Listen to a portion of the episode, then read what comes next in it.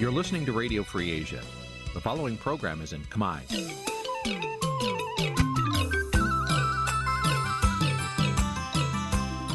Nǐ chi càm bi tiệp xáy vệt chiu a zì sê នេះជាកម្មវិធីផ្សាយរបស់ Vithu Azisari ជាភាសាខ្មែរ វិទ្យុអាស៊ីសេរីសូមស្វាគមន៍លោកអ្នកនាងទាំងអស់ពីរដ្ឋធានី Washington នៃសហរដ្ឋអាមេរិក ចាប់ពីរដ្ឋធានី Washington នាងខ្ញុំម៉ៅសុធានីសូមជម្រាបសួរលោកអ្នកស្ដាប់ទាំងអស់ជាទីមេត្រីចាយើងខ្ញុំសូមជូនការផ្សាយសម្រាប់ព្រឹកថ្ងៃសុក្រ100ខែពិសាឆ្នាំថោះបัญចស័កពុទ្ធសករាជ2567ហើយដល់ត្រូវនឹងថ្ងៃទី5ខែសីហាគ្រិស្តសករាជ2023ជាកិច្ចចាប់ផ្ដើមនេះនាងខ្ញុំសូមអញ្ជើញលោកអ្នកនាងកញ្ញាស្ដាប់ព័ត៌មានប្រចាំថ្ងៃដែលមានមេត្តាដូចតទៅ អ្នកជំនាញថាយុវជនខ្មែរមិនសូវចាប់អារម្មណ៍ពិធីបុណ្យវិសាខបូជារដ្ឋស្នើឲ្យរដ្ឋាភិបាលដោះស្រាយករណីភូមិមួយរបស់ខ្មែរដែលត្រូវបានវៀតណាមកាន់កាប់ក្នុងខេត្តត្បូងឃ្មុំលោករងឈុនស្នើលោកនាយករដ្ឋមន្ត្រីហ៊ុនសែនបើកចិត្តទូលាយឲ្យលោកប្រកួតប្រជែងក្នុងការបោះឆ្នោត វប្រវត្តិសង្ខេបរបស់ស្ត្រីជនជាតិដើមភាគតិចគួយម្នាក់ដែលស្វិតស្វាញតស៊ូការពារដីនៅព្រៃឈើនៅខេត្តព្រះវិហារចារួមនឹងព័ត៌មានសំខាន់សំខាន់មួយចំនួនទៀតជាបន្តទៅទៀតនេះនាងខ្ញុំម៉ៃសុធានីសូមជូនព័ត៌មានទាំងនោះពឺស្ដាប់លោកនានីជាទីមេត្រីថ្ងៃ15ខែវិសាខគឺជាពេលដែលគេតែងរៀបចំប្រពៃពិធីបុណ្យដ៏ធំបំផុត នៅក្នុងព្រះពុទ្ធសាសនាគឺបុណ្យវិសាខបូជា ដើម្បីរំលឹកប្រវត្តិដ៏សំខាន់សំខាន់ចំនួន3របស់ព្រះពុទ្ធក៏ប៉ុន្តែនៅប្រទេសកម្ពុជាវិញពិធីបុណ្យនេះត្រូវបានគេមើលឃើញថាហាក់មិនសូវមានយុវជនចាប់អារម្មណ៍និងចូលរួមប្រពៃឲ្យបានអធិកអធមនោះទេ ក្នុងនាមជាប្រទេស ដែលប្រកាន់យកព្រះពុទ្ធសាសនាជាសាសនារបស់រដ្ឋចាប់ពីរដ្ឋធានី Washington លោកនៅវណ្ណរិនរាជការព័ត៌មាននេះ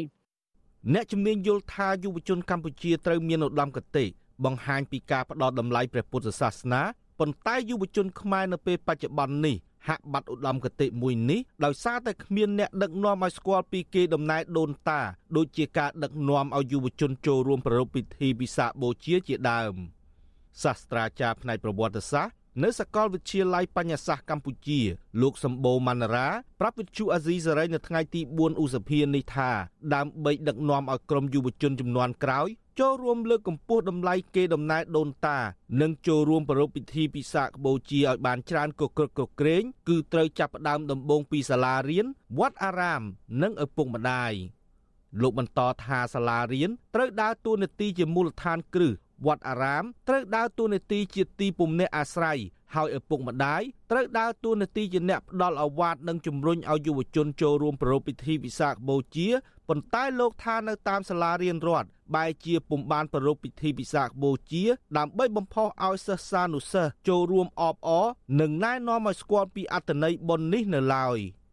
ម៉ោងនេះពេលនេះយុវជនដែលកំពុងទៅបានដើរឡើងបុកគ្នាកំពុងតែឆ្លុះគ្នាឆាត់តវ៉ាគ្នាដូច្នេះអាទាំងអស់នេះគឺពុទ្ធសាសនាដូចប្រទេសកម្ពុជាយើងសាសនាជាសាសនារបស់រដ្ឋសមអត់សមទេអញ្ចឹងដើម្បីឲ្យកូនកូនអស់ចូលរួមបានលោកត្រាតែជំនាយអីហ្នឹងពុកម្ដាយហ្នឹងហើយសាលារៀនហ្នឹងនិងវត្តអារាមហ្នឹងគូកូនផ្ដុំនេះឡើងនាំគ្នាឡើងដើម្បីនាំយុវជនឲ្យចូលក្នុងគម្រោងនេះទៅម្ដងបន្តិចម្ដងតិចយូរយូរទៅយើងនឹងបានយុវជនមកដែរ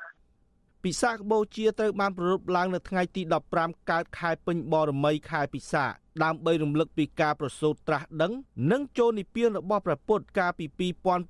2556ឆ្នាំមុន ពិសាខបូជាក៏ត្រូវបានអង្គការសហប្រជាជាតិប្រកាសទទួលស្គាល់ជាបុណ្យអន្តរជាតិចាប់តាំងពីឆ្នាំ1999ដើម្បីទទួលស្គាល់ពីការចូលរួមចំណែករបស់ព្រះពុទ្ធសាសនា ជាសាសនាដ៏ចំណាស់បំផុតមួយជួយជំរុញឲ្យពិភពលោកមានសន្តិភាព មេត្តាធម៌និងសច្ចធម៌ហើយអង្គការនេះតែងតែរៀបចំប្រារព្ធពិធីពិសាខបូជាជារៀងរាល់ឆ្នាំ នៅទីស្នាក់ការអង្គការ និងការិយាល័យមួយចំនួនរបស់ខ្លួន។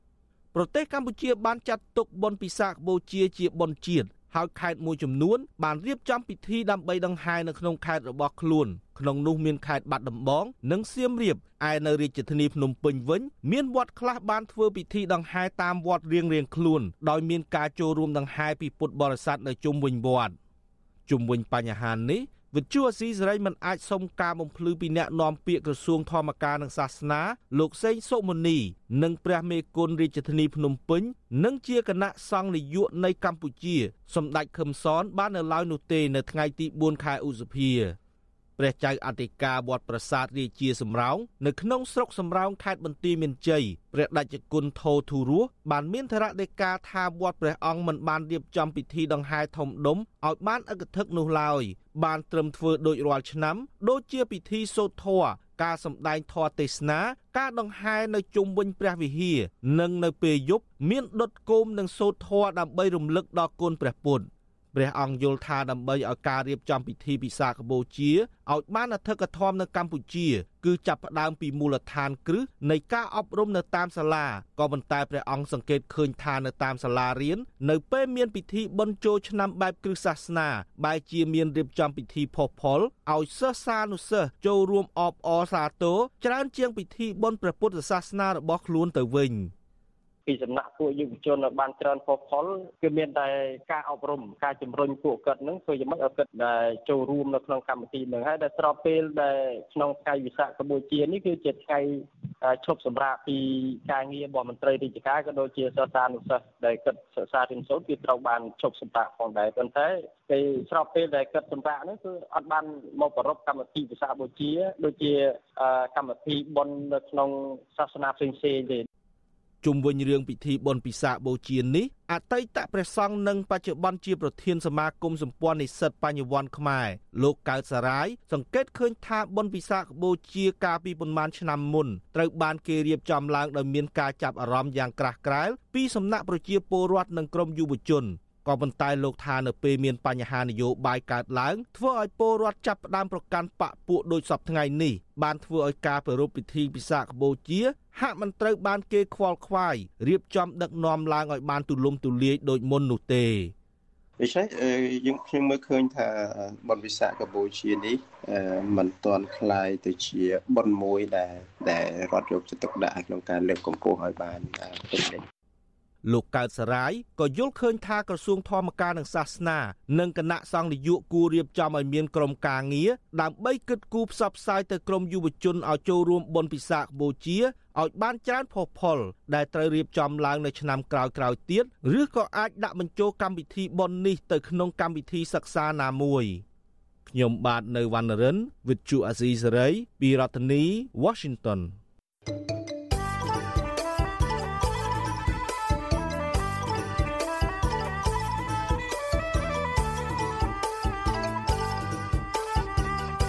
ចាលោកនានីជាទីមេត្រីនៅឯខេត្តត្បូងឃ្មុំឯនោះវិញ ភូមិចំណាស់មួយដែលកម្ពុជាគ្រប់គ្រងតាំងពីមុនចំនួនបារាំងសម័យលន់នននិងសម័យខ្មែរក្រហមជាច្រើនចំនួនមកហើយនោះប៉ុន្តែបែរជារបូតទៅវៀតណាមគ្រប់គ្រងតាំងពីឆ្នាំ1987នៅចំនួនដឹកនាំដោយលោកនាយករដ្ឋមន្ត្រីហ៊ុនសែនជាប្រជាប្រដ្ឋនៅខេត្តត្បូងឃ្មុំ សង្កេតឃើញថាបើទោះបីជាភូមិអំផលត្រូវបានវៀតណាមកាន់កាប់ទាំងបំពេញច្បាប់ក្តីក៏មិនដែលឃើញរដ្ឋាភិបាលកម្ពុជាអន្តរាគម ឲ្យវៀតណាមប្រកល់ភូមិនេះមកឲ្យប្រជាប្រដ្ឋខ្មែរវិញនោះឡើយចាលោកទីនសាករាយារាជការព័ត៌មាននេះភូមិអំផលស្ថិតនៅក្នុងឃុំច័ន្ទមូលស្រុកមេមត់ខេត្តត្បូងឃ្មុំដែលអតីតនៅក្នុងខេត្តកំពង់ចាមបានបាត់បង់ទៅវៀតណាមកាន់កាប់តាំងពីឆ្នាំ1987ក្រោយពីប្រមុខដឹកនាំប្រទេសទាំងពីរបានចុះហត្ថលេខាលើសន្ធិសញ្ញាបំពេញបន្ថែម កំណត់ព្រំដែនរដ្ឋឆ្នាំ1585 ដល់កម្ពុជាក្រោមការដឹកនាំរបស់លោកហ៊ុនសែនអ្នកស្រុកមេមត់សង្កេតឃើញថាមកទល់ពេលនេះភូមិនេះត្រូវអាជ្ញាធរវៀតណាមក្តាប់យ៉ាងណែនដោយសង់ហេដ្ឋារចនាសម្ព័ន្ធខ្វាត់ខ្វែងអគិសនី និងប្រព័ន្ធធារាសាស្ត្រដើម្បីឲ្យបរតវៀតណាមងាយស្រួលធ្វើកសិកម្មគ្រប់គ្រងតំបន់នោះជាដែនរដ្ឋបាលរបស់ពួកគេពលរដ្ឋដែលរស់នៅតំបន់ព្រំដែននៅក្នុងស្រុកមេមត់ខេត្តត្បូងឃ្មុំ គឺលោកឈឿនឆនប្រាប់វិទ្យុអាស៊ីសេរីនៅថ្ងៃទី4ឧសភាថា ពេលនេះពលរដ្ឋខ្មែរយ៉ាងហោចណាស់200គ្រួសារបន្តរស់នៅក្នុងភូមិអំផលធម្មតាក្រោមការគ្រប់គ្រងដោយអាជ្ញាធរវៀតណាមលោកថាបង្គោលព្រំដែនចាស់ស្ថិតនៅប៉ែកខាងត្បូងភូមិនេះជាច្រើនគីឡូម៉ែត្រក៏ប៉ុន្តែនៅក្នុងឆ្នាំ2017អាញាធរខ្មែរនិងវៀតណាមបានបោះបង្គោលព្រំដែនថ្មីទៀតលេខ98 2ដល់បង្គោលព្រំដែនលេខ99លើចូលទឹកដីខ្មែរយ៉ាងជ្រៅ លោកបញ្ជាក់ថាបង្គោលព្រំដែនថ្មីដែលទើបតែបោះនោះបែរជាស្ថិតនៅប៉ែកខាងជើងភូមិអំផលទៅវិញធ្វើឲ្យកម្ពុជាបាត់បង់ភូមិនេះទៅវៀតណាមកាន់កាប់ទាំងស្រុងរីឯផ្ទះបុរាណខ្មែរជាច្រើនខ្នងស្ថិតនៅក្នុងភូមិនេះក៏បាត់បង់ទៅវៀតណាមគ្រប់គ្រងវិញដែរ។ ក៏ទៅដូចជានៅក្នុងភូមិចាន់មូលដដែលភូមិអំផលប៉ុន្តែដូចជាស្ដែងមកបានវោះបង្គោលរំដែរដូចគឺដូចដាច់ដលែកចាប់ពីទៀតរបស់បង្គោលរំដែរដែលកាលសពដងមុននៅជាពលរដ្ឋនៅចេញចូលដូចជាគុំផងលបងតែមួយជាប់ធម្មតាពលរដ្ឋឯនោះគេក៏ពឹងផ្អែកចំពោះរាជរដ្ឋាភិបាលកម្ពុជាដែរបាទអសន្នពន្ធចិត្តរបស់រដ្ឋបាលប៉ុន្តែមិនដឹងគេធ្វើយ៉ាងម៉េចបាទពលរដ្ឋនៅខេត្តត្បូងឃ្មុំស្ដាយស្រណោះភូមិចំណាស់នេះក៏ប៉ុន្តែពួកគាត់ភ័យច្រើនខ្លាចមិនហ៊ានតវ៉ា និងទាមទារឲ្យអាជ្ញាធរដោះស្រាយពីករណីនេះដោយបើកចំហនោះឡើយពីព្រោះខ្លាចអាជ្ញាធរតាមចាប់ដាក់ពន្ធនាគារដោយករណីលោករងឈុនជាដើមកាលពីឆ្នាំ2017រដ្ឋាភិបាលកម្ពុជានិងវៀតណាមបានបោះបង្គោលព្រំដែនជាច្រើនបង្គោលយ៉ាងប្រញាប់ប្រញាល់ដោយលាក់លៀមនិងបិទបាំងព័ត៌មានពីភាពមិនប្រក្រតីជាច្រើននៅក្នុងតំបន់នោះស្របពេលដែលកម្ពុជាកំពុងតែមានវិបត្តិនយោបាយយ៉ាងក្តៅគគុក រដ្ឋាភិបាលបានរំលាយគណៈបកសង្គ្រោះជាតិបិទស្ថាប័នព័ត៌មានអាយក្រិចនិងចាប់ខ្លួនអ្នកសកម្មពីបញ្ហាព្រំដែនដាក់គុករីឯអាជ្ញាធរបានដើរគម្រាមបរដ្ឋនៅតាមផ្ទះមិនឲ្យនិយាយពីបញ្ហាព្រំដែនប្រាប់ទៅប្រព័ន្ធផ្សព្វផ្សាយបរដ្ឋអះអាងថាពួកគាត់មានភ័ស្តុតាងនិងឯកសារច្បាស់លាស់ដែលបញ្ជាក់ថាភូមិអំផល គឺស្ថិតនៅក្នុងទឹកដីខ្មែរជាច្រើនចំនួនមកហើយហើយបច្ចុប្បន្នអាញាធរវៀតណាមព្យាយាមឈ្លានពានតំបន់នោះ និងខិតខំអភិវឌ្ឍយ៉ាងលឿនដើម្បីបំបត្តិដានហេដ្ឋារចនាសម្ព័ន្ធបែបខ្មែរនិងផ្ទះខ្មែរនៅតំបន់នោះថែមទៀតផងពលរដ្ឋរស់នៅខេត្តត្បូងឃ្មុំលោកស៊ូយៀនថ្លែងថាអ្នកភូមិភញាក់ផ្អើលនៅគ្រាដល់ភូមិកំណើតផ្ទះសម្បែងនិងដីស្រែចម្ការគេដូនតារបស់ពួកគាត់បែរជាប្រែคล้ายដីរបស់ពួកគាត់ជាតំបន់ដែលវៀតណាមកាន់កាប់នាសម័យនេះទៅវិញលោកអំពីវនីវឲ្យរដ្ឋាភិបាលអន្តរាគមទៅអាជ្ញាធរវៀតណាម ឲ្យប្រគល់ភូមិនេះមកឲ្យខ្មែរវិញនិងផ្ដល់សិទ្ធិឲ្យបរដ្ឋខ្មែរចូលរួមបញ្ចេញមតិពីបញ្ហាព្រំដែនស្របតាមច្បាប់ជាតិនិងអន្តរជាតិសង្គម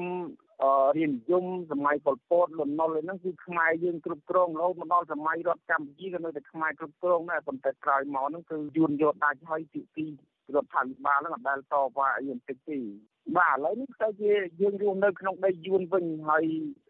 បញ្ជីរដ្ឋបាលវានៅតែខ្មែរយើងគ្រប់គ្រងអញ្ចឹងណាយើងគ្រប់គ្រងខ្យល់គេគ្រប់គ្រងការពុតអញ្ចឹងណាចំវិញនឹងរឿងនេះទេស្របមន្ត្រីទូបន្ទុកកិច្ចការព្រំដែនលោកវ៉ាកំហុងប្រាប់វិទ្យុអាស៊ីសេរីថា នៅឆ្នាំ1987លោកមិនទាន់ចូលធ្វើជាមន្ត្រីជំនាញកិច្ចការព្រំដែននៅឡើយទេ ហើយតំបន់ព្រំដែនកាលនោះអាស្រ័យលើបរដ្ឋរស់នៅនិងកាន់កាប់ដីធ្លីជាក់ស្ដែង។ លោកអះអាងថាកន្លងទៅអាញាធរបានបោះបង្គោលព្រំដែនជាមួយអាញាធរវៀតណាមគឺបើកចំហទូលាយឲ្យពលរដ្ឋអាញាធរដែនដី និងភៀកគីពាក់ព័ន្ធចូលរួម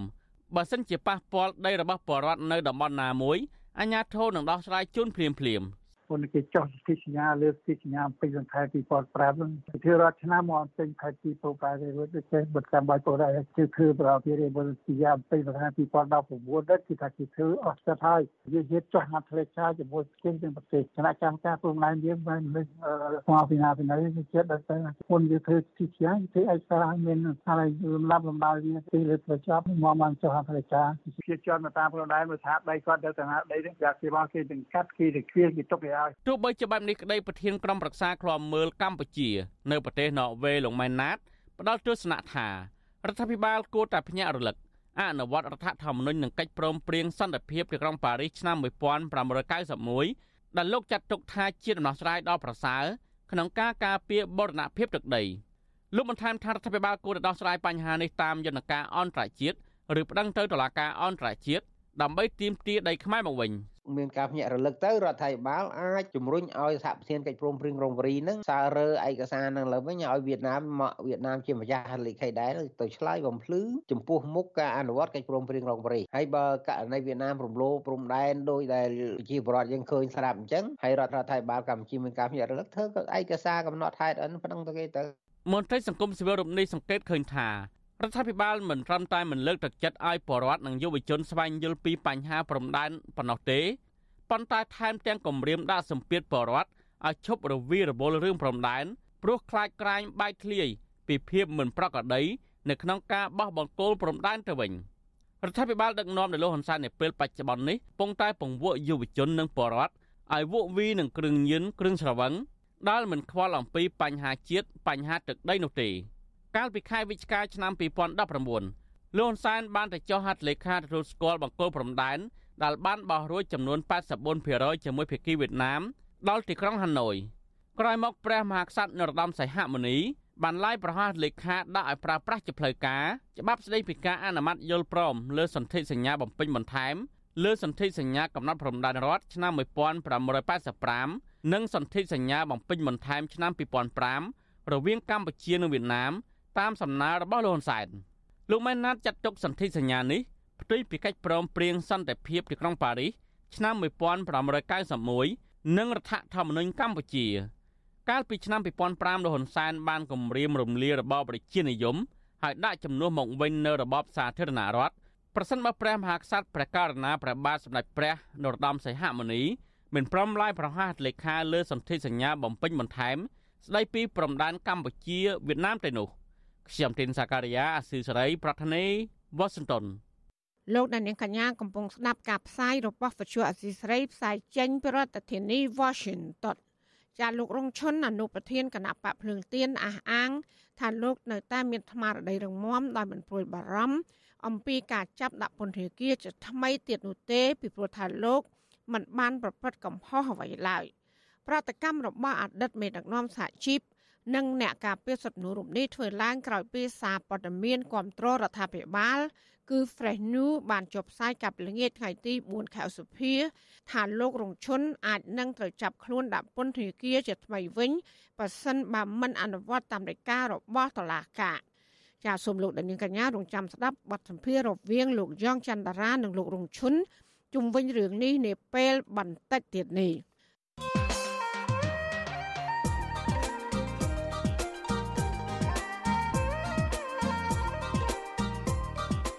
បាទលោកនាងជាទីមេត្រីនៅមុនការបោះឆ្នោតជាតិអាណត្តិទី7នេះលោកនាយរដ្ឋមន្ត្រីហ៊ុនសែនកំពុងតែធ្វើយុទ្ធនាការអស់ទាញអ្នកនយោបាយប្រឆាំងនិងសកម្មជនសង្គមឥតឬមុខនោះឡើយដើម្បីយកមកដាក់នៅក្នុងកន្ត្រករបស់គណៈបកប្រជាជនកម្ពុជាតាមមូលហេតុអ្វីបានជាលោកហ៊ុនសែនចាំបាច់ត្រូវប្រឹងប្រែងបែបនេះតាមរយៈការផ្ដាល់មន្តស័កទុនទីនិងលៀបសក្ការៈជំនួយនៃការអស់ទាញនៅមុនពេលបោះឆ្នោតគណៈរដ្ឋាភិបាលរបស់លោកបានគ្រប់គ្រងស្ថាប័នរៀបចំការបោះឆ្នោតកោជប និងកងកម្លាំងប្រដាប់អាវុធពេញដៃហើយនោះនេះគឺជាប្រធានបទដែលយើងនឹងពិភាក្សាគ្នានៅក្នុងនីតិវិទ្យាអ្នកស្ដាប់អាស៊ីសេរីនៅយប់ថ្ងៃសុក្រទី5ឧសភានេះបាទបើសិនជាលោកនាងមានសំណួរចង់សួរមកកាន់វាគ្មិនរបស់យើងឬចង់បញ្ចេញជាមតិយោបល់សូមលោកនាងដាក់លេខទូរស័ព្ទនៅក្នុងខ្ទង់ comment Facebook នៃ YouTube របស់វិទ្យុអាស៊ីសេរីនៅពេលកំពុងតែផ្សាយផ្ទាល់នោះក្រុមការងាររបស់យើងនឹងហៅទៅលោកនាងវិញ បាទសូមអរគុណ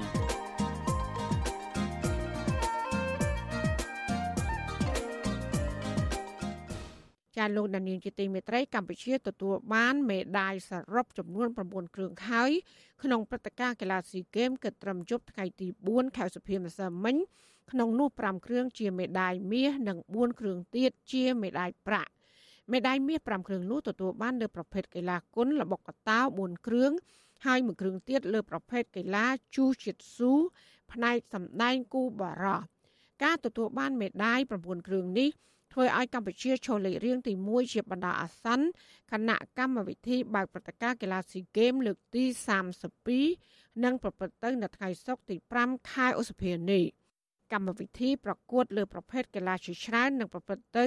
ជារៀងរាល់ថ្ងៃរហូតដល់ពេលបិទព្រឹត្តិការណ៍នេះគឺនៅថ្ងៃទី17ខែឧសភាខាងមុខរដ្ឋាភិបាលលោកហ៊ុនសែនក្រុងចំណាយថវិកាប្រមាណ200លានដុល្លារអាមេរិក សម្រាប់ព្រឹត្តិការណ៍កីឡាស៊ីហ្គេមលើកទី32នេះចាលោកនាងកញ្ញាកំពុងស្ដាប់ការផ្សាយរបស់វិទ្យុអសីស្រីផ្សាយចេញពីរដ្ឋធានី Washington ដំណើរគ្នានឹងស្ដាប់ការផ្សាយរបស់វិទ្យុអសីស្រីតាមបណ្ដាញសង្គម Facebook និង YouTube លោកនាងកញ្ញាក៏អាចស្ដាប់ការផ្សាយរបស់វិទ្យុអសីស្រី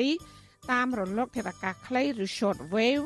តាមកម្រិតនិងកម្ពស់ដូចតទៅ ចាពេលព្រឹកចាប់ពីម៉ោង5កន្លះដល់ម៉ោង6កន្លះតាមរយៈប៉ុស SW 12.14 MHz ស្មើនឹងកម្ពស់ 25m ចាប់ប៉ុស SW 13.71 MHz ស្មើនឹងកម្ពស់ 22m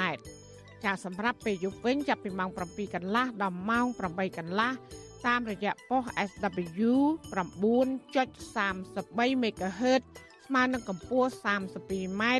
ប៉ុស SW 11.88 MHz ស្មើនឹងកម្ពស់ 25m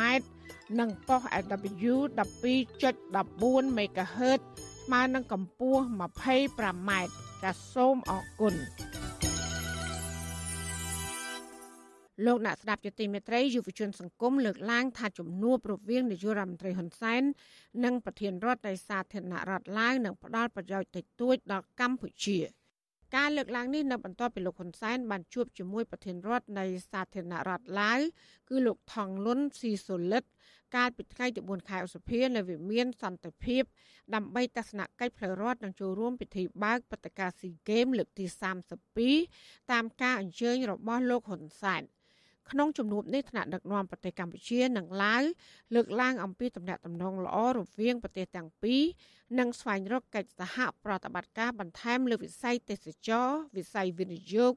សន្តិសុខដើម្បីត្រៀមដោះស្រាយគ្រោះមហន្តរាយជាយថាហេតុ លោកហ៊ុនសែនឯកភាពជាមួយថ្នាក់ដឹកនាំនៃប្រទេសឡាវលើទំនាក់ទំនងនៃប្រទេសទាំងពីរហើយលោកហ៊ុនសែនក៏បានស្នើសុំឲ្យប្រទេសទាំងពីររួមគ្នារៀបចំកិច្ចព្រមព្រៀងបញ្យកពន្ធត្រួតគ្នា ដើម្បីជំរុញការវិនិយោគនៃប្រទេសទាំងពីរប្រធានសមាគមសម្ព័ន្ធនិស្សិតបញ្ញវន្តខ្មែរលោកកើតសារាយយល់ឃើញថាជំនួបមេដឹកនាំនៃប្រទេសទាំងពីរគឺជារឿងល្អពីព្រោះប្រទេសទាំងពីរជាប្រទេសដែលនៅជាប់ព្រំដែនគ្នា។ ទោះយ៉ាងណាលោកថាឡាវមិនមែនជាប្រទេសដែលជាទីផ្សារគោលដៅរបស់កម្ពុជា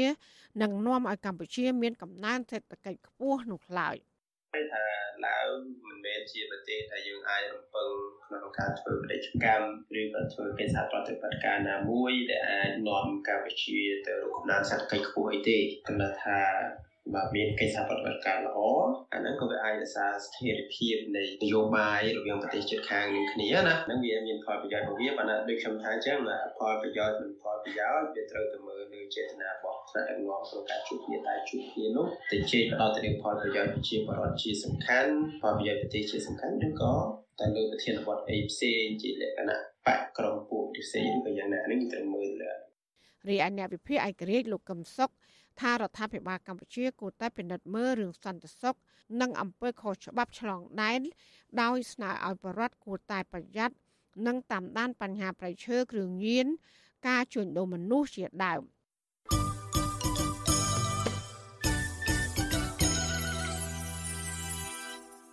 ចាលោកនាងជាទីមេត្រីពីប្រទេសថៃអនុវិញអង្គការសង្ត្រាស្នើទៅរដ្ឋាភិបាលជួយអន្តរាគមន៍ ទៅសមត្ថកិច្ចថៃដល់លែងពលករខ្មែរដែលត្រូវបានសមត្ថកិច្ចថៃចាប់ខ្លួនសំណើនេះធ្វើឡើងក្រោយពេលដែលអង្គការការពារសិទ្ធិពលករមួយ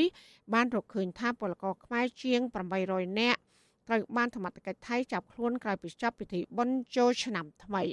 ចាលោកសេកបណ្ឌិតរាយការណ៍ព័ត៌មាននេះអង្គការសង្ត្រាល់រកឃើញថាពលករខ្មែរភៀសច្រើនត្រូវបានសមត្ថកិច្ចថៃចាប់ខ្លួន ហើយរងការធ្វើទរណកម្មដោយការចាប់ដាក់ខ្នោះ និងត្រូវដាក់ឲ្យជាប់ឃុំក្នុងបន្ទប់តូចង្អៀតសេចក្តីថ្លែងការណ៍របស់អង្គការសង្ត្រាល់ចុះកាលពីថ្ងៃទី3ខែឧសភាឲ្យដឹងថា រយៈពេលចុងក្រោយនេះពលករខ្មែរជាង800នាក់ត្រូវបានសមត្ថកិច្ចថៃចាប់ខ្លួនអំឡុងពេលធ្វើដំណើរវិលត្រឡប់ទៅបំពេញការងារវិញនៅក្នុងប្រទេសថៃក្រោយចប់បុណ្យចូលឆ្នាំថ្មីពលករទាំងនោះគ្មានឯកសារគ្រប់គ្រាន់ឯកសារផុតសុពលភាពឬការធ្វើដំណើរពួកគាត់មិនត្រឹមត្រូវតាមនីតិវិធីរបស់ថៃ និងពលករខ្លះទៀតលួចឆ្លងដែនតាមច្រករបៀងព្រោះគ្មានលទ្ធភាពបង់ប្រាក់តាមច្រកព្រំដែនផ្លូវការជាដើមអង្គការសង្ត្រាល់ស្នើទៅរដ្ឋាភិបាលកម្ពុជាឬសមត្ថកិច្ចពាក់ព័ន្ធឲ្យជួយអន្តរាគមន៍និងស្វែងរកដំណោះស្រាយជាមួយភៀកគីថៃដើម្បីឲ្យពលករខ្មែរដែលកំពុងជាប់ឃុំទទួលបានសេរីភាពមកវិញមន្ត្រីផ្នែកការពារសិទ្ធិពលករចំណាក់ស្រុកនៃអង្គការសង្ត្រាល់ប្រចាំប្រទេសថៃលោកលឹងសុផុន ប្រាប់បទសុអសីស្រី នៅថ្ងៃទី4ខែឧសភាថាទីតាំងដែលសមត្ថកិច្ចថៃចាប់ពលករខ្មែរមាន2កន្លែង គឺនៅព្រំដែន និងកន្លែងពលករស្នាក់នៅឬកន្លែងពួកគាត់ធ្វើការលោកសង្កេតឃើញថាក្រុមពលករមួយចំនួន ដែលត្រូវបានសមត្ថកិច្ចថៃចាប់ខ្លួននៅព្រំដែនមានការសម្របសម្រួលឬការជួយធ្វើអន្តរាគមន៍ពីអាជ្ញាធរខ្មែរខ្លះដែរដែលធ្វើឲ្យពលករទាំងនោះអាចវិលទៅស្រុកវិញដោយឡែក ចំពោះពលករដែលសមត្ថកិច្ចថៃចាប់ខ្លួននៅកន្លែងស្នាក់នៅឬកន្លែងធ្វើការងារភ ieck ច្រើន កំពុងជាប់ឃុំព្រោះពុំមានការអន្តរាគមន៍ពីស្ថានទូតខ្មែរប្រចាំនៅប្រទេសថៃ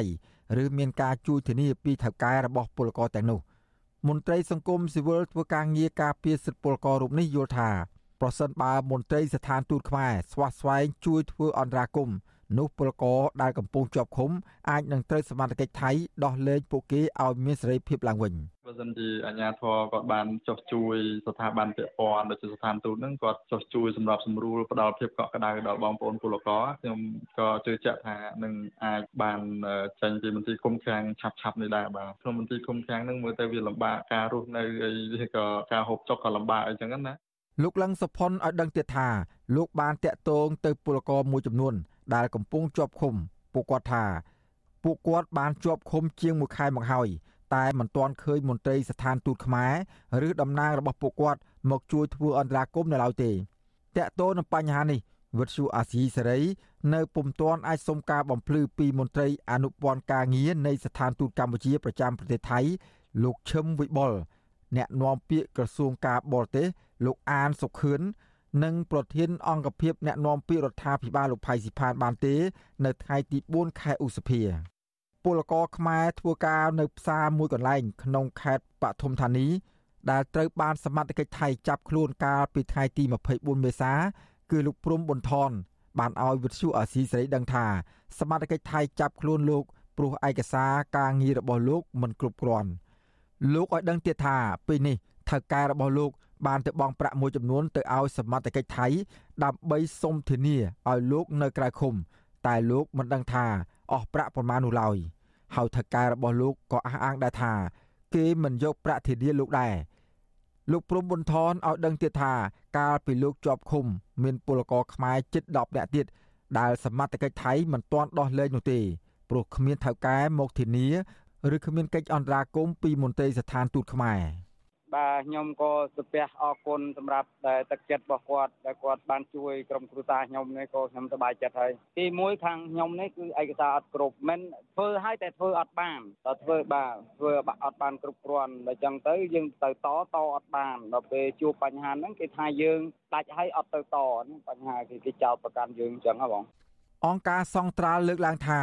ករណីសមត្ថកិច្ចថៃចាប់ខ្លួនពលករខ្មែរនៅពេលនេះកំពុងជះឥទ្ធិពលអវិជ្ជមាន មកលើសេដ្ឋកិច្ចនិងជីវភាពប្រចាំថ្ងៃរបស់ក្រុមគ្រួសារពលករ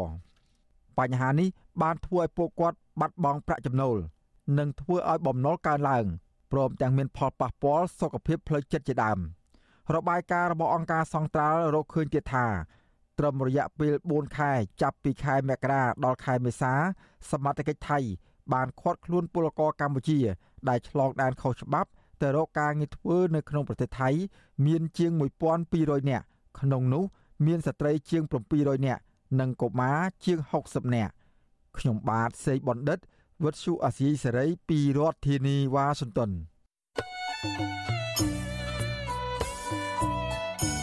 ចាលោកនាងជាទីមេត្រីវុទ្ធុអាស៊ីសេរីសូមជូនដំណឹងថាយើងគ្មានអ្នកយកព័ត៌មានប្រចាំនៅប្រទេសកម្ពុជានោះឡើយ។ បើសិនជាមានជនណាម្នាក់អះអាងថាជាអ្នកយកព័ត៌មានឲ្យវិទ្យុអសីស្រីនៅកម្ពុជានោះ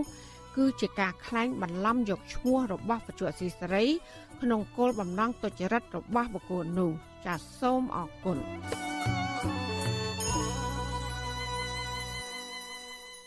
ចាលោកនាងកញ្ញាកំពុងស្ដាប់ការផ្សាយរបស់វិទ្យុអសីស្រីផ្សាយចេញពីរដ្ឋធានី Washington ស្ត្រីជនជាតិដើមភាគតិចគួយម្នាក់ ក្នុងចំណោមជនជាតិដើមប្រទេសគួយ369គ្រួសារបានចូលរួមចំណែកការពារដីធ្លីនិងព្រៃឈើយ៉ាងសកម្មនៅភូមិកំណើតរបស់គាត់ក្នុងខេត្តព្រះវិហារដីធ្លីនិងព្រៃឈើនៅតំបន់នោះកំពុងរងការរំលោភបំពានយកជាកម្មសិទ្ធិឯកជននិងកាប់បំផ្លាញព្រៃឈើយ៉ាងអនាធបត័យធ្វើឲ្យប្រជាសហគមន៍បាត់បង់ប្រាក់ចំណូលតើស្ត្រីជនជាតិដើមភាគតិចនោះជានរណា បានជាបដិញ្ញាចិត្តបន្តថែរក្សាដីនិងធនធានធម្មជាតិដែលបានបន្សល់ទុកពីដូនតារបស់ពួកគាត់ចាសសូមលោកនាងកញ្ញារងចាំស្ដាប់ជីវប្រវត្តិសង្ខេបនិងការតស៊ូរបស់ស្ត្រីរូបនោះនៅក្នុងការផ្សាយរបស់យើងនាពេលបន្តិចទៀតនេះ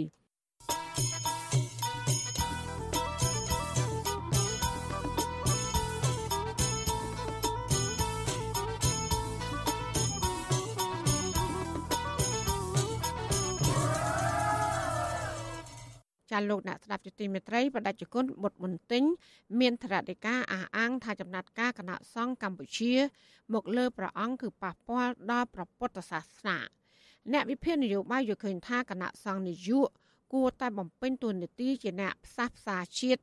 និងលើកកម្ពស់តម្លៃព្រះពុទ្ធសាសនាជាជាងចេញសេចក្តីថ្លែងការណ៍មានលក្ខណៈនយោបាយដែលគ្រប់គ្រងអ្នកនយោបាយ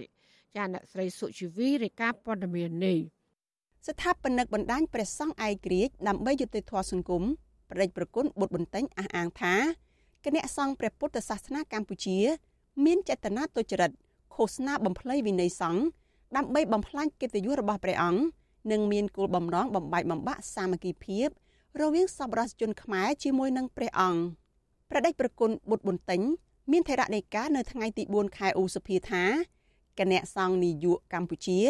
មានចំណាត់ការលើព្រះអង្គហួសហេតុដោយព្រះអង្គគ្រាន់តែមានការបកស្រាយពាក្យបាលីមិនត្រឹមត្រូវតែមួយម៉ាត់ប៉ុណ្ណោះព្រះអង្គបន្ថែមថាក្នុងវិន័យព្រះពុទ្ធសាសនាមិនបានចែងតម្រូវឲ្យផ្សឹកព្រះសង្ឃឡើយ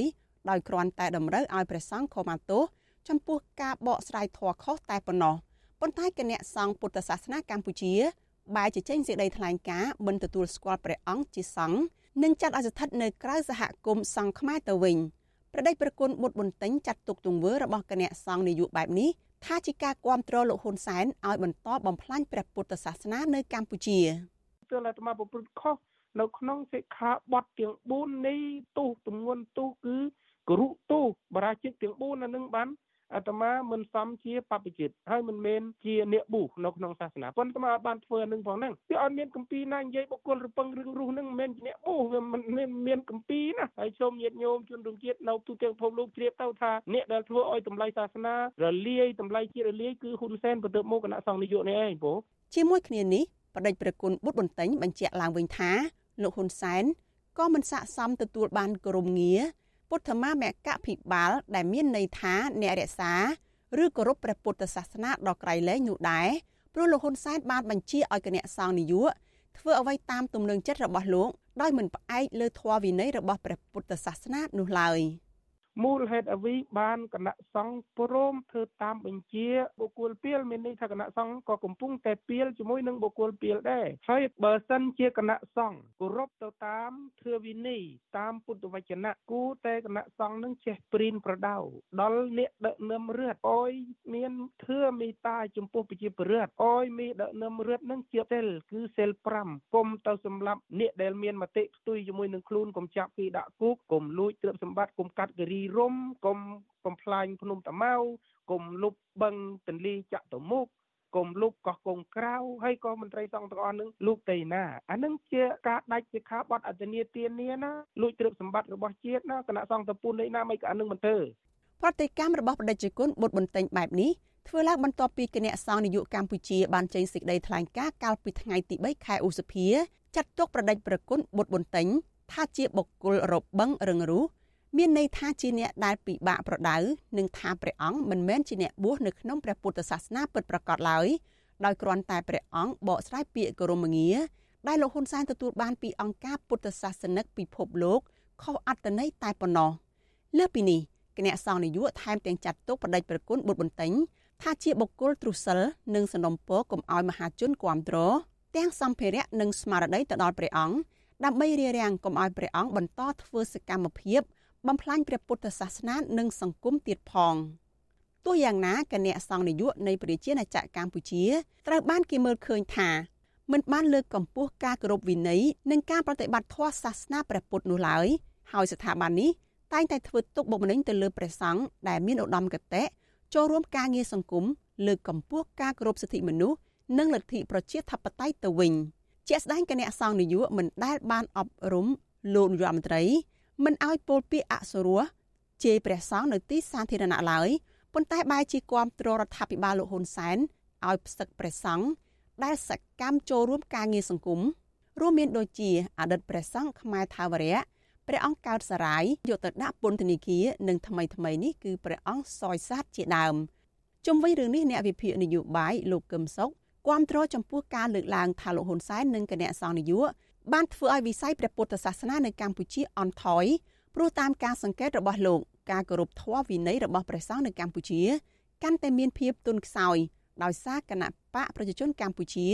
បានតែងតាំងតែព្រះសង្ឃដែលគ្រប់គ្រងបកកាន់អំណាចតែប៉ុណ្ណោះ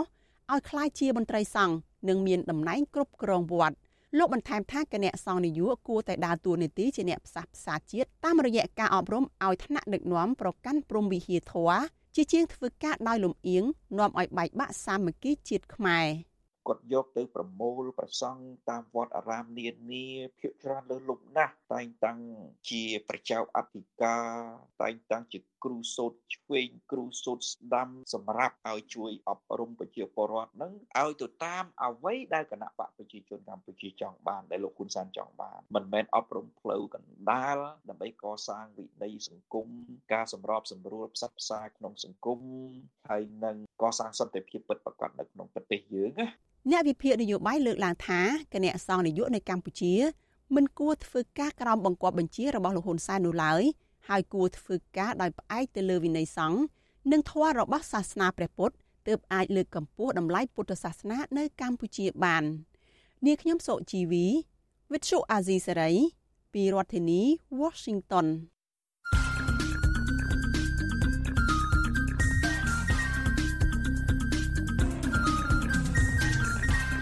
បទសំភារ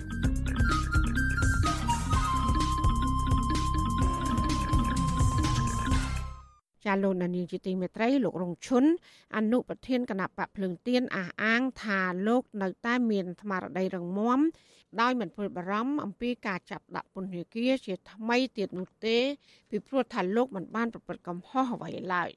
ប្រតិកម្មរបស់អតីតមេដឹកនាំសហជីពនិងអ្នកការពារសិទ្ធិមនុស្សរូបនេះធ្វើឡើងក្រោយពីសារព័ត៌មានគ្រប់គ្រងរដ្ឋាភិបាលគឺ Fresh News បានចុះផ្សាយកាលពីល្ងាចថ្ងៃទី4ខែសុភាថាលោករងឈុនអាចនឹងត្រូវចាប់ខ្លួនដាក់ពន្ធនាគារជាថ្មីវិញបើសិនបើមិនអនុវត្តតាមដីការបស់តុលាការ តឡាការដែលស្ថិតក្រោមអធិបតេយ្យរបស់លោកនាយករដ្ឋមន្ត្រីហ៊ុនសែនកាលពីឆ្នាំ2021បានផ្តន្ទាទោសលោករងឈុនដាក់ពន្ធនាគារចំនួន2ឆ្នាំពីបទញុះញង់បង្កឲ្យមានភាពវឹកវរធ្ងន់ធ្ងរដល់សន្តិសុខសង្គម ប៉ុន្តែសម្រាប់ឃុំខ្លួនត្រឹមជាង15ខែដោយទោសនៅសល់ត្រូវព្យួរសាក់លបងរយៈពេល3ឆ្នាំបន្ទាប់ពីលោកបានចេញលិខិតស្នើសុំដល់រដ្ឋអំណាចឲ្យពិនិត្យមើលបញ្ហាព្រំដែនជាមួយប្រទេសវៀតណាមនៅខេត្តត្បូងឃ្មុំ ហើយដែលបរដ្ឋខ្មែរចោទថាវៀតណាមបានរំលោភចូលដីកម្ពុជាសហគមន៍ជាតិនិងអន្តរជាតិបានថ្កោលទោសការផ្ដន់ទោសនេះថាជារឿងមិនត្រឹមត្រូវព្រោះអ្វីដែលលោករងឈុនលើកឡើងនោះគឺជាការបញ្ចេញមតិស្របតាមច្បាប់ ការចុះផ្សាយរបស់ Fresh News ក្នុងន័យហាក់គំរាមកំហែងលើលោករងឈុនកើតមានឡើងស្របពេលដែលលោករងឈុនកំពុងទទួលបានប្រជាប្រិយភាព និងត្រៀមឈរឈ្មោះជាបេក្ខជនតំណាងរាស្ត្រលេខរៀងទី1នៃគណៈបកភ្លើងទៀននៅមណ្ឌលខេត្តកណ្ដាលដើម្បីប្រគល់ប្រជែងជាមួយនឹងលោកនាយករដ្ឋមន្ត្រីហ៊ុនសែនដែលជាបេក្ខជនលេខរៀងទី1នៃគណៈបកប្រជាជនកម្ពុជា នៅមណ្ឌលខេត្តកណ្ដាលដូចគ្នា ចាសសូមលោកនាងស្ដាប់បទសម្ភាសន៍រវាងលោកយ៉ងច័ន្ទតារានិងលោករងឈុនជុំវិញបញ្ហានេះដូចតទៅខ្ញុំបាទសូមជម្រាបសួរលោករងឈុនពីចម្ងាយបាទបាទសូមជម្រាបសួរលោកច័ន្ទតារា បាទដំណឹងចុងក្រោយដែលយើងបានឃើញទាំងអស់គ្នានៅលើប្រព័ន្ធឃោសនារបស់លោកហ៊ុនសែនហ្នឹងគឺថាបានហាក់ដូចជាព្យាយាមដាក់បន្ទុកលោករងឈុនជាថ្មីម្ដងទៀតហើយបន្ទាប់ពីស្ងប់ស្ងាត់អស់រយៈពេលជាង1ឆ្នាំមកនេះឥឡូវនេះលោករងឈុនដែលកំពុងតែមានប្រជាប្រិយភាពនៅក្នុងចំណោមគណៈបកសមាជិកគណៈបកប្រឆាំងជាពិសេសគណៈបកភ្លើងទៀនហ្នឹងក៏បែរជាចេញមានព័ត៌មានចេញអំពីលោកនឹងអាចប្រឈមទៅនឹងការចាប់ខ្លួនជាថ្មីទៀតនឹងថាតើលោកយល់យ៉ាងណាដែរចំពោះរឿងនេះបាទ ចំពោះខ្ញុំមិនជាការភ្ញាក់ផ្អើលអ្វីទេហើយអ្វីដែលព័ត៌មានបានចុះផ្សាយនឹងបើយើងមើលទៅនឹងសាលក្រមរបស់សាលាឧទ្ធរនៅថ្ងៃ12វិច្ឆិកា2021នឹងវាមិនដូច្នោះទេនៅសាលាកំនៅសាលាដំបងបានកាត់ទោសខ្ញុំ2ឆ្នាំដល់មកសម្រេចនៅឡើងឧទ្ធរ ស្លាឧទ្ធរបានកាត់តម្រឹមឲ្យខ្ញុំអនុវត្តទោស15ខែ11ថ្ងៃបាទហើយការធ្វើសាវនាការនៅសាលាកំពូលហ្នឹងក៏មិនបានចេញដីកាអញ្ជើញខ្ញុំឲ្យទៅចូលរួម ក្នុងសាវនាការដែរក្នុងលកឹកដែលខ្ញុំកំពុងតែស្ថិតនៅក្នុងគេថាមានវត្តមាននៅក្នុងប្រទេសហើយសាលាកំពូលមិនគួរណាកាត់កំបាំង មកនោះទេកាលនោះខ្ញុំឲ្យមេធាវីរបស់ខ្ញុំមកប្តឹងខ្ទាស់ទៅនឹងការសម្រេចរបស់សាលាពុទ្ធ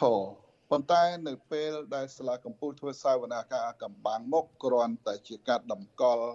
សាក្រមរបស់សាលាឧទ្ធរតែប៉ុណ្្នឹងទេប៉ុន្តែនៅក្នុងសាលាឧទ្ធរគេបានកាត់តម្រឹមឲ្យខ្ញុំជាប់15ខែ11ថ្ងៃហើយនៅសល់ប្រមាណ ព្យួរទោសហើយនឹងសាកល្បងអនុវត្ត3ឆ្នាំហើយនៅក្នុងនោះខ្ញុំមានសិទ្ធមានសិទ្ធបោះឆ្នោត មានសិទ្ធទទួលបានពីក្រសួងមហាផ្ទៃទទួលស្គាល់ថាខ្ញុំជាអនុប្រធានគណៈបកភ្លើងទៀនបើសិនជាខ្ញុំមិនទាន់មាននីតិសម្បទាប្រខ្ញុំមិនអាចទៅមានសិទ្ធិបោះឆ្នោតបានទេហើយនៅក្នុងនីតិវិធីរបស់កោជប มันបានតម្រូវឲ្យបេក្ខជនឈរឈ្មោះតំណាងរាស្ត្រធ្វើលិខិតថ្កោលទោសដែរគ្រាន់តែតម្រូវឲ្យបេក្ខជនឈរឈ្មោះតំណាងរាស្ត្រនឹងបញ្ជាក់នៅឃុំសង្កាត់ថាខ្លួននឹងពិតប្រកបជាមានឈ្មោះនៅក្នុងបញ្ជីបោះឆ្នោតហើយខ្ញុំបានបញ្ជាក់បានសួរទៅមន្ត្រីរៀបចំការបោះឆ្នោតមន្ត្រីកោជបនឹងថាតើហេតុអីឥឡូវមិនធ្វើលិខិតថ្កោលទោសមន្ត្រីកោជបបានបំភ្លឺថា បើយើងបញ្ជាក់បញ្ជីឈ្មោះនៅឃុំសង្កាត់យើងមានឈ្មោះនៅក្នុងបញ្ជីបោះឆ្នោត មានន័យថាយើងទទួលបាននីតិសម្បទាហើយពីព្រោះអ្នកទោសនៅពេលដែលបាត់បង់នីតិសម្បទាក្រសួងយុតិធម៌នឹងបញ្ជូនឈ្មោះមកកជបកជបនឹងបង្កកឈ្មោះអ្នកទាំងនោះมันអាចមានសិទ្ធិបោះឆ្នោតឬឈរឈ្មោះឲ្យគេបោះឆ្នោតអាហ្នឹងបើយើងនិយាយអំពីនីតិវិធីប៉ុន្តែអ្វីដែលខាងព័ត៌មានមួយបានលើកឡើងវាវាធ្វើឲ្យថាធ្វើឲ្យមតិជាតិអន្តរជាតិមានការភ្ញាក់ផ្អើលដូច្នេះសរុបមកវិញខ្ញុំក៏ត្រូវតែមានសិទ្ធិឈរបានដូចគ្នាពីព្រោះខ្ញុំមានសិទ្ធិបោះឆ្នោតអញ្ចឹងក៏មានសិទ្ធិឈរឈ្មោះឲ្យបងប្អូនជនរួមជាតិបោះឆ្នោតឲ្យខ្ញុំដែរហើយខ្ញុំនឹងឈរ តំណាងរានៅមណ្ឌលខេត្តកដាលលេខរៀងលេខ1សម្រាប់គណៈបកភ្លើងទៀនបើហើយនៅថ្ងៃ6 6ឧសភានឹងខ្ញុំនឹងយកបញ្ជីឈ្មោះទាំង25រាជធានីដាក់ជូនកោជបម៉ោងប្រមាណជាម៉ោង10ព្រឹកហ្នឹងខ្ញុំនឹងដឹកនាំសក្ការីរបស់ខ្ញុំយក បញ្ជីឈ្មោះទៅដាក់នៅកោជបហើយបាទបាទ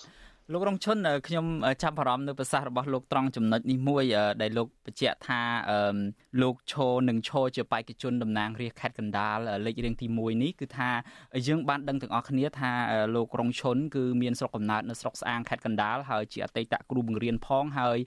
ក៏លោកទទួលបាននៅការគ្រប់គ្រងមានប្រជាប្រិយភាពនៅក្នុងស្រុកស្អាងនិងស្រុកកោះធំនេះដែរហើយយើងដឹងថានៅក្នុងស្រុកស្អាងស្រុកកោះធំនេះនៅក្នុងអំឡុងការបោះឆ្នោតគុំសង្កាត់2017នោះគឺថា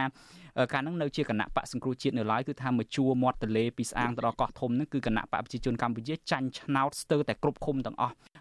រឿងដ៏សំខាន់មួយទៀតហ្នឹងគឺថាគណៈបកប្រជាជនកម្ពុជាបើយើងមើលទៅវិញគឺក្នុងខេត្តកណ្ដាលនេះគឺជាសមរភូមិធំបំផុតរបស់លោកនាយរដ្ឋមន្ត្រីហ៊ុនសែនហើយគាត់គឺជាប្រធានគណៈពង្រឹងខេត្តកណ្ដាលតែម្ដងហើយជាលេខរៀងទី1នៅក្នុងខេត្តកណ្ដាលនេះតើនេះអាចជាចេតនាឬមួយក៏មានអាចមានពាក់ព័ន្ធទៅនឹងការប្រកួតប្រជែងរបស់លោករងឈុននៅក្នុងខេត្តកណ្ដាលដែលតតាំងគ្នាដោយផ្ទាល់ជាមួយលោកនាយរដ្ឋមន្ត្រីហ៊ុនសែនដែរទេបាទខ្ញុំមិនហ៊ានធ្វើការវាយតម្លៃទៅលើចំណុចនឹងទេបិណ្ឌគ្រាន់អ្វីដែលឈរនៅមណ្ឌលជាមួយគ្នាលោកនាយករដ្ឋមន្ត្រីក៏ឈរនៅមណ្ឌលកណ្ដាលលេខ1ខ្ញុំក៏ឈរនៅមណ្ឌលកណ្ដាលលេខ1ចឹងវាត្រូវតែប្រកួតប្រជែងគ្នាហើយដើម្បីថាទាញការគ្រប់គ្រង ប្រជាពលរដ្ឋនៅក្នុងមណ្ឌលនឹងក៏ដូចជាទូទាំងប្រទេសផងដែរបាទពីព្រោះខ្ញុំក៏មិនមែនថាចំពោះតែមណ្ឌលកដាលទេខ្ញុំដើរជួបបងប្អូនជនរួមជាតិទាំង25រាជធានីក្នុងនាមខ្ញុំជាអនុប្រធានគណៈបកភ្លើងទៀនបាទបាទ លោករងឈុនសំណួរចុងក្រោយរបស់ខ្ញុំមួយទៀតទេយើងឃើញថាមន្ត្រីគណៈបកភ្លើងទៀនបច្ចុប្បន្នជាពិសេសក្បាលម៉ាស៊ីនតែម្ដងថ្នាក់ដឹកនាំជាន់ខ្ពស់តែម្ដងគឺអាចថារងនឹងការធ្វើទុកបុកម្នេញស្ទើរតែគ្រប់រូបភាពមានការប្រើប្រាស់ប្រព័ន្ធតុលាការដើម្បីចាប់ដាក់ពន្ធនាគារមានសកម្មជនថ្នាក់កណ្ដាលឬមួយក៏ថ្នាក់មូលដ្ឋានខ្លះរងនឹងការវាយដំអីចឹងជាដើមហើយដំណើរការក្តីក្តាំនៅតុលាការប្រឆាំងទៅនឹងមន្ត្រីគណៈបកភ្លើងទៀនហ្នឹងសំណុំរឿងចាស់ចាស់ក៏ចាប់ផ្ដើមក៏ក្រើកឡើងវិញកោះយកមកឡើងវិញហើយករណីខ្លះទៀតគឺថាមានការបែកធ្លាយការបញ្ចេញនៅខ្សែអាចសម្លេងដែលគេអះអាងថាជារបស់មន្ត្រីគណៈបកភ្លើងទៀនមួយចំនួនដែរហ្នឹងអំពីរឿងរាវផ្សេងផ្សេងគឺថាលេចចេញមកជាបន្តបន្ទាប់ហើយចំពោះសវត្ថភាពរបស់លោករងឈុននៅពេលនេះវិញថាតើលោកអាចមានការបារម្ភអីខ្លះដែរទេនៅពេលដែល ប្រព័ន្ធឃោសនារបស់លោកហ៊ុនសែនគឺថាចេញផ្សាយនៅព័ត៌មានបែបនេះថាតើអាចនឹងនាំហានិភ័យទៅដល់ការចាប់ខ្លួនលោកសារជាថ្មីវិញដែរទេលោកមានការព្រួយបារម្ភលើចំណុចនេះដែរទេជាពិសេសនៅពេលដែលការបោះឆ្នោតកាន់តែខិតជិតចូលមកដល់នេះបាទចំពោះខ្ញុំចំហខ្ញុំទាំងស្មារតីខ្ញុំពុំមានអ្វីដែលត្រូវបារម្ភទេពីព្រោះខ្ញុំពុំមានប្រព្រឹត្តកំហុស អ្វីដូចដែលបានកំណត់នៅក្នុងអាសាលក្រមខ្ញុំមិនបានធ្វើផ្ទុយពីព្រោះគ្មានបំរាមណាដែលមិនឲ្យខ្ញុំធ្វើនយោបាយហើយខ្ញុំមិនបានធ្វើទង្វើណាមួយដែលដែលផ្ទុយពីច្បាប់ខ្ញុំធ្វើតែអំពើឲ្យត្រឹមត្រូវហើយប្រជាពលរដ្ឋគាត់មានការគ្រប់គ្រងខ្ញុំសំខាន់ខ្ញុំមានការគ្រប់គ្រងពីប្រជាពលរដ្ឋវាជារឿងគ្រប់គ្រាន់ហើយដូច្នេះខ្ញុំ មិនទៅបារម្ភចាប់អីនៅពេលដែលចាប់វាខុសទំនងដែលផ្នែកប្រជាពលរដ្ឋមើលថាអូมันគួរត្រូវចាប់រងជនអានឹងធ្វើឲ្យរឿងគេថាជះត្រឡប់ទៅលើខ្លួនគាត់ទៅវិញទេហើយអ្វីដែលយើងគិតថាប្រកួតប្រជែងដោយដាក់សម្ពាធគូប្រជែងឈ្នះ ក៏វាពុំមានន័យអ្វីដែរបើសិនជាយើងប្រកួតប្រជែងគ្នាគេថាសេរីត្រឹមត្រូវយុត្តិធម៌អ្នកឈ្នះក៏ឈ្នះដោយកិត្តិយសអ្នកចាញ់ក៏ចាញ់ដោយអស់ចិត្តហើយបើសិនជាយើងប្រកួតគ្នាហើយយើងធ្វើបាបដៃគូគូប្រជែងគូប្រកួតរបស់ខ្លួនអានឹងធ្វើឲ្យមតិជាតិអន្តរជាតិគេមើលហើយយើងឈ្នះក៏វាគ្មានតម្លៃគ្មានកិត្តិយសនៅក្នុងសង្គមណានោះទេ អរគុណលោករងឈុនច្រើនដូច្នេះយើងនឹងចាំមើលទាំងអស់គ្នាថាប្រសិនបើលោករងឈុននៅតែអាចឈរឈ្មោះឲ្យប្រជាពលរដ្ឋបោះឆ្នោតឲ្យបានហើយជាពិសេសគណៈបកភ្លើងទៀននៅតែអាចចូលរួមការបោះឆ្នោតនេះបានគឺថាយើងនឹងរងចាំមើលទាំងអស់គ្នាថាតើសមរភូមិក្តៅបំផុតរវាងគណៈបកកណ្ដាលអំណាចនិងគណៈបកប្រឆាំងនឹងថាតើនឹងទៅជាបែបណាជាពិសេសនៅសមរភូមិខេត្តកណ្ដាលដែលលោកនាយករដ្ឋមន្ត្រីហ៊ុនសែនជាអ្នកពង្រឹងដោយផ្ទាល់ហើយគណៈបកប្រឆាំងគឺគណៈបកភ្លើងទៀនគឺលោករងឈុនដែលជាអនុប្រធានហើយជាអ្នកមានប្រជាប្រិយភាពខ្លាំងហ្នឹងគឺជាអ្នកឈរឈ្មោះលេខរៀងទី1ហ្នឹងខ្ញុំសូមកាត់ពីតាក់តងត្រង់ចំណុចហ្នឹងខ្ញុំគិតថាលោកនាយករដ្ឋមន្ត្រីត្រូវបើកចិត្តទលាយឲ្យខ្ញុំឈរបានប្រកួតគ្នាដោយសេរីត្រឹមត្រូវអយុត្តិធម៌ហើយបាទបាទសូមជម្រាបលាសូមអរគុណលោករងឈុនបាទបាទអរគុណជម្រាបលាលោកចន្ទរាបាទចាលោកនាងកញ្ញាទៅបានស្ដាប់បទភិរវាងលោកយ៉ងច័ន្ទរានិងលោករងឈុនអនុប្រធានគណៈបកភ្លើងទៀនតកតងនឹងការបដិញ្ញាចិត្ត និងជំហរនយោបាយរបស់លោកក្រោយពីប្រព័ន្ធឃោសនារបស់លោកហ៊ុនសែនបានចុះផ្សាយក្នុងន័យគម្រាមកំហែងថាលោកអាចនឹងត្រូវបានចាប់ខ្លួនដាក់ពន្ធនាគារជាថ្មីម្ដងទៀតចាលោកដានីជាទីមេត្រីក្នុងឱកាសនេះដែរនាងខ្ញុំសូមថ្លែងអំណរគុណដល់លោកដានីកញ្ញាទាំងអស់ដែលតែងតែមានភក្ដីភាពចំពោះការផ្សាយរបស់យើងហើយចាត់ទុកការស្ដាប់វិទ្យុអសីសេរី គឺជាផ្នែកមួយនៃសកម្មភាពប្រចាំថ្ងៃរបស់លោកអ្នកការគ្រប់គ្រងរបស់លោកដានៀងនេះហើយដែលធ្វើយើងខ្ញុំមានទឹកចិត្តកាន់តែខ្លាំងថែមទៀតក្នុងការស្វែងរកនិងផ្តល់ព័ត៌មានជូនដល់លោកដានៀងចាំមានអ្នកស្ដាប់អ្នកទស្សនាកាន់តែច្រើនកាន់តែធ្វើយើងខ្ញុំមានភាពស្វាហាប់មោះមុតជាបន្តទៀតចាយើងខ្ញុំសូមអរគុណទុកជាមុន ហើយក៏សូមអញ្ជើញលោកដានៀងកញ្ញាចូលរួមជំរុញឲ្យសកម្មភាពផ្ដល់ព័ត៌មានរបស់យើងនេះកាន់តែជោគជ័យបន្ថែមទៀតលោកដានៀងអាចជួយយើងខ្ញុំបានដោយគ្រាន់តែចុចចែករំលែកឬ share ការផ្សាយរបស់យើងនេះនៅលើបណ្ដាញសង្គម Facebook និង YouTube ទៅកាន់មិត្តភ័ក្តិដើម្បីឲ្យការផ្សាយរបស់យើងនេះបានទៅដល់មនុស្សកាន់តែច្រើនចាសសូមអរគុណ ចាលោកនានីជាទីមេត្រីស្ត្រីជនជាតិដើមភាគតិចគួយម្នាក់ក្នុងចំណោម369គ្រួសារបានចូលរួមចំណែកការពារដីធ្លីនិងប្រៃឈើយ៉ាងសកម្មនៅភូមិកំណត់របស់គាត់ក្នុងខេត្តព្រះវិហារដីធ្លីនិងប្រៃឈើនៅតំបន់នោះកំពុងរងការរំលោភបំពានយកជាកម្មសិទ្ធិឯកជននិងកាប់បំផ្លាញប្រៃឈើយ៉ាងអនាធបត័យធ្វើឲ្យប្រជាសហគមន៍បាត់បង់ប្រាក់ចំណូលចាស្ត្រីជនជាតិដើមភាគតិចរូបនោះ គឺលោកស្រីសង្សាំបង្ហាញពីការបដិញ្ញាចិត្តនិងការខំប្រឹងប្រែងដើម្បីថែរក្សាដី និងធនធានធម្មជាតិដែលបន្សល់ទុកតាំងពីដូនតា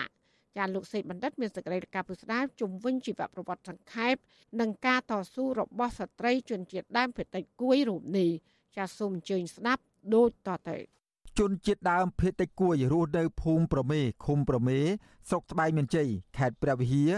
លោកស្រីស៊ីងសាំ បានចូលរួមការពារដី និងព្រៃសហគមន៍អស់រយៈពេល11ឆ្នាំមកហើយចាប់តាំងពីក្រុមហ៊ុនឯកជនឈូឆាយដីសហគមន៍យកទៅដាំអំពៅនិងដាំដើមកៅស៊ូកាលពីឆ្នាំ2012ដីដែលក្រុមហ៊ុនស្ករអំពៅចិនឈ្មោះហេងហ្វូទទួលបានសិទ្ធិវិនិយោគលើផ្ទៃដីទំហំ40000ហិកតាគ្របដណ្ដប់លើស្រុកចំនួន3គឺស្រុកជ័យសែនស្រុកឆែបនិងស្រុកត្បែងមានជ័យ ទោះបីជាក្រុមគ្រួសារលោកស្រីស៊ីងសាំធ្លាក់ខ្លួនឈឺត្រូវការលោកស្រី នៅមើលថែយ៉ាងណាក្តីក៏លោកស្រីមិនបានយកចិត្តទុកដាក់ថែទាំប្តីនោះឡើយរហូតដល់ឆ្នាំ2014ប្តីស្លាប់ចោលលោកស្រី និងកូនចំនួន5នាក់ប៉ុន្តែលោកស្រីបញ្ជាក់ថា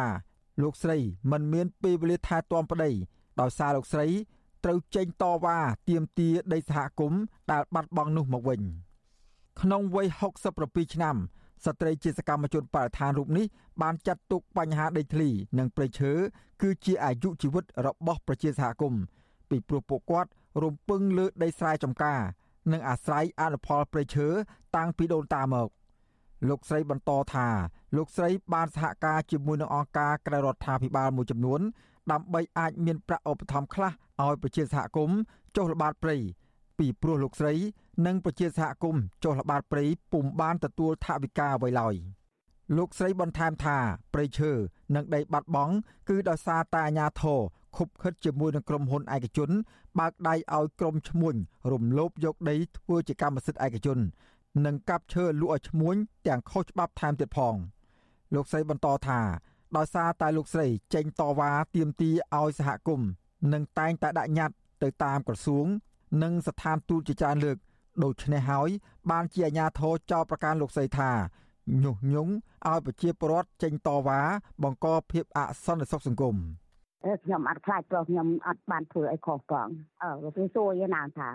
ចុះខ្ញុំមានខុសអីខ្ញុំតស៊ូសប្តាហ៍ថ្ងៃរឿងដីធ្លីដោយសារកាពះពោះវៀនរបស់ខ្ញុំវាស្រេកឃ្លានហើយម្យ៉ាងទៀតទៅធ្វើកូនចៅខ្ញុំអឺបានអីធ្វើអឺស្អីតែរបស់រដ្ឋអីតែរបស់រដ្ឋបើពួកខ្ញុំជាបរដ្ឋមិនមែនរះរបស់រដ្ឋទេបើមានតែរដ្ឋអត់មានរះក៏ហៅថារដ្ឋដែរខ្ញុំតែងតែតស៊ូទៅទប់ទល់ជាមួយអាជ្ញាធរគ្រប់លំដាប់ថ្នាក់ស្ត្រីជនជាតិដើមភាគតិចរូបនេះអះអាងទៀតថា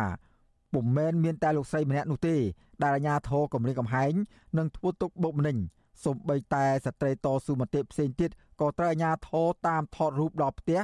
និងអ្នកខ្លះបានជាប់ពាក្យបណ្ដឹងនៅតុលាការផងដែរបន្ទាប់ពីពួកគេចេញតវ៉ាទាមទារដីធ្លី និងទាមទារឲ្យប្រជាពលរដ្ឋចូលល្បាតព្រៃឡើងវិញ។ ពេលពួកខ្ញុំតវ៉ាអីដូចថាយើងបញ្ចូលរស់អីនៅផ្នែកតោតបស្កាត់មិនអោយអត្រាក់តបញ្ចូលអីគឺមានតែការគម្រាមកំហែងមានថាអឺអេខំតប្រយ័ត្នជាប់គុកគ្មាននរណាជួយទេចំពោះអាជ្ញាធរគ្មាននរណាយកចិត្តទុកដាក់ក៏បីមានបញ្ហាអីក៏ដោយគឺគេមិនដែលដោះស្រាយជូនប្រជាពលរដ្ឋបានមួយករណីណាទេជាងនេះទៅទៀតនៅពេលក្រមយុវជន ដែលមកសិក្សារៀនសូត្រអំពីធនធានធម្មជាតិនិងការរស់នៅរបស់ប្រជាសហគមន៍ម្ដងម្ដង អាញាធរតែងតែចុះទៅសួរនាំលោកស្រី តាមថតរូបក្រុមយុវជន និងចងអង្រឹងយាមនៅក្រោមផ្ទះរបស់លោកស្រីជាដើមពីព្រោះអាញាធរទាំងនោះខ្លាចយុវជន ដឹងអំពីអំពើពុករលួយរបស់ពួកខ្លួនលោកស្រីស៊ីងសាំមានកូន5នាក់ប្រុស3ស្រី2ហើយបច្ចុប្បន្នលោកស្រីធ្វើស្រែចម្ការដើម្បីរកចំណូលខ្លះៗយកមកចិញ្ចឹមជីវិត ចំណែកអ្នកម្ដាយរបស់លោកស្រី មានវ័យចាស់ជរាពង្វេងស្មារតី ក្រោយពីឪពុករបស់លោកស្រីស្លាប់ចោលតាំងពីឆ្នាំ1984មកដោយឡែកយុវជនងនហ៊ឹមរស់នៅក្នុងភូមិជាមួយគ្នាថ្លែងថាលោកស្រីស៊ីងសាំគឺជាស្ត្រីគំរូម្នាក់នៅក្នុងសហគមន៍គាត់តែងតែជួយឈឺឆ្អាលប្រជាពលរដ្ឋដែលត្រូវបានអាជ្ញាធរគំរាមកំហែងនិងសម្លុតលោកបន្តថាលោកស្រីស៊ីងសាំមិនដាល់រុញរាក្នុងការជួយការពារព្រៃឈើនិងដីធ្លីនោះទេ នៅពេលដែលក្រុមហ៊ុនឯកជនឈូសឆាយដីព្រៃសហគមន៍ពួកគាត់ទាំងអស់គ្នានឹងបានគាត់ដានដើរតួជាកិច្ចប្រវត្តិល្អជាសមាជិកសហគមន៍ដ៏ល្អមានតែគាត់មានគំនិតមានយោបល់មានចំណេះដឹងហើយមិនត្រូវបានគេរដ្ឋបတ်សេរីភាពទូទៅហើយគាត់មានចំណេះដឹងខ្ញុំគិតថាឲ្យគាត់បន្តកិច្ចការងារទាំងអស់នេះទៅហើយគាត់នៅទទួលបានបទពិសោធន៍ចំណេះដឹងថ្មីថ្មីហើយនឹងការដឹកនាំជីវិតមួយដែលមានភាពច្បាស់កាល ដីសហគមន៍ដែលត្រូវក្រុមហ៊ុនស្កអំពៅចិនហេងហ្វូរំលោភយក មានជាង8000ហិកតាដើម្បីដាំអំពៅនិងដាំកៅស៊ូដែលធ្វើឲ្យប៉ះពាល់ដល់ជនជាតិដើមភាគតិចប្រមាណ2000គ្រួសារមានប្រជាពលរដ្ឋប្រមាណ10000នាក់ស្ថិតនៅក្នុងភូមិចំនួន25ឃុំចំនួន10និងស្រុកចំនួន3គឺស្រុកជ័យសែនស្រុកឆែបនិងស្រុកត្បៃមញ្ជ័យប៉ុន្តែមកទល់នឹងពេលបច្ចុប្បន្ននេះមានជនជាតិដើមភាគតិចខ្លះបង្ខំចិត្តចំណាក់ស្រុកដើម្បីរកការងារធ្វើ និងអ្នកមួយចំនួនទៀតក៏ទៅស៊ីឈ្នួលដកដំឡូងមីគ្រាន់បានប្រាក់ខ្លះមកចិញ្ចឹមជីវិតវិទ្យុអាស៊ីស្រីនៅពុំទាន់អាចតាក់ទងប្រធានមន្ត្រីបរិស្ថានខេត្តព្រះវិហារលោកសុងច័ន្ទសុជាតិនិងអ្នកនាំពាក្យសាលាខេត្តព្រះវិហារលោកយ៉ុងកំហឿងដើម្បីបោះស្រាយបំភ្លឺអំពីបញ្ហានេះបាននៅឡើយទេនៅថ្ងៃទី4ខែឧសភាជុំវិញរឿងនេះមន្ត្រីសម្របសម្រួលគម្រោងសហគមន៍បណ្ដាញយុវជនកម្ពុជាហៅកាត់ថា CYN លោកអូតឡាទីន មានប្រសាសន៍ថាលោកសីស៊ីងសាំជាស្ត្រីម្នាក់ដែលសកម្មនៅក្នុងកិច្ចការពារដីធ្លី និងព្រៃឈើរបស់សហគមន៍ប្រកបដោយឆន្ទៈមោះមុត និងមានការតស៊ូបើទោះបីជាមានការធ្វើទុកបុកម្នេញពីអាជ្ញាធរយ៉ាងណាក្តី។ ខ្ញុំគិតថាសកម្មភាពរបស់សហគមន៍មូលដ្ឋានជាពិសេសសហគមន៍ពេទ្យការដែលគាត់ចាញ់សកម្មភាពនៅក្នុងការការពារផលប្រយោជន៍របស់ប្រកួតនឹងគឺគួរតែត្រូវបានអាជ្ញាធរគ្រប់លំដាប់ថ្នាក់ផ្ដល់ការលើកទឹកចិត្តហើយជាពិសេសព្រៃឈើព្រៃពេទ្យការគឺជាព្រៃអត្តសញ្ញាណរបស់ពួកគាត់អញ្ចឹងហើយរាជរដ្ឋាភិបាលគួរតែធ្វើការពិចារណាហើយផ្ដល់ឱកាសឲ្យប្រកួតបានចូលរួមការពារឲ្យបានពេញលេញអ្នកខ្លំមើលបញ្ហាព្រៃឈើសង្កេតឃើញថា ការមិនអើពើរបស់មន្ត្រីពាក់ព័ន្ធនិងរដ្ឋាភិបាលដើម្បីទប់ស្កាត់បទល្មើសព្រៃឈើនៅតំបន់ព្រៃអភិរក្សដូចជាព្រៃឡង់និងព្រៃព្រះរកាព្រមទាំងបញ្ឈប់ការផ្ដោតដីសម្បត្តិជាដើមនោះធ្វើឲ្យកម្ពុជារងនូវផលប៉ះពាល់ធ្ងន់ធ្ងរទាំងជីវភាពជនជាតិដើមភាគតិចនិងធ្វើឲ្យពួកគេបាត់បង់ប្រពៃណីដែលពាក់ព័ន្ធនឹងជំនឿជាងនេះទៅទៀតបញ្ហានេះធ្វើឲ្យមានការប្រែប្រួលអាកាសធាតុតាមរយៈការឡើងកម្ដៅខ្លាំងមានគ្រោះរាំងស្ងួត ខ្យល់កន្ត្រាក់ដែលធ្វើឲ្យប៉ះពាល់ដល់ការរស់នៅរបស់ប្រជាពលរដ្ឋដើម្បីដោះស្រាយបញ្ហាប្រឈមទាំងនេះលោកស្រីស៊ីងសាំយល់ឃើញថាអាញាធរគួរតែសហការជាមួយនឹងប្រជាពលរដ្ឋការពារធនធានធម្មជាតិឲ្យបានច្រើន ដើម្បីទប់ស្កាត់ការបំផ្លិចបំផ្លាញព្រៃឈើនិងការរំលោភយកដីប្រជាពលរដ្ឋមកធ្វើជាកម្មសិទ្ធិឯកជនលោកស្រីក៏ស្នើសុំឲ្យរដ្ឋាភិបាលថាគួរទម្លាក់បទចោទប្រកាន់មកលើប្រជាពលរដ្ឋស្រុតត្រង់ ដែលតែងតែចូលរួមសកម្មក្នុងកិច្ចការពីបរិស្ថានធនធានធម្មជាតិថាជាក្រុមបកប្រឆាំងនោះនឹងងាកមកលើកកម្ពស់សិទ្ធិជនជាតិដើមភាគតិចដែលពួកគាត់តែងតែរស់ពឹងអាស្រ័យលើអនុផលព្រៃឈើខ្ញុំបាទសេកបណ្ឌិតវិទ្យុអាស៊ីសេរីពីរដ្ឋធានីវ៉ាស៊ីនតោន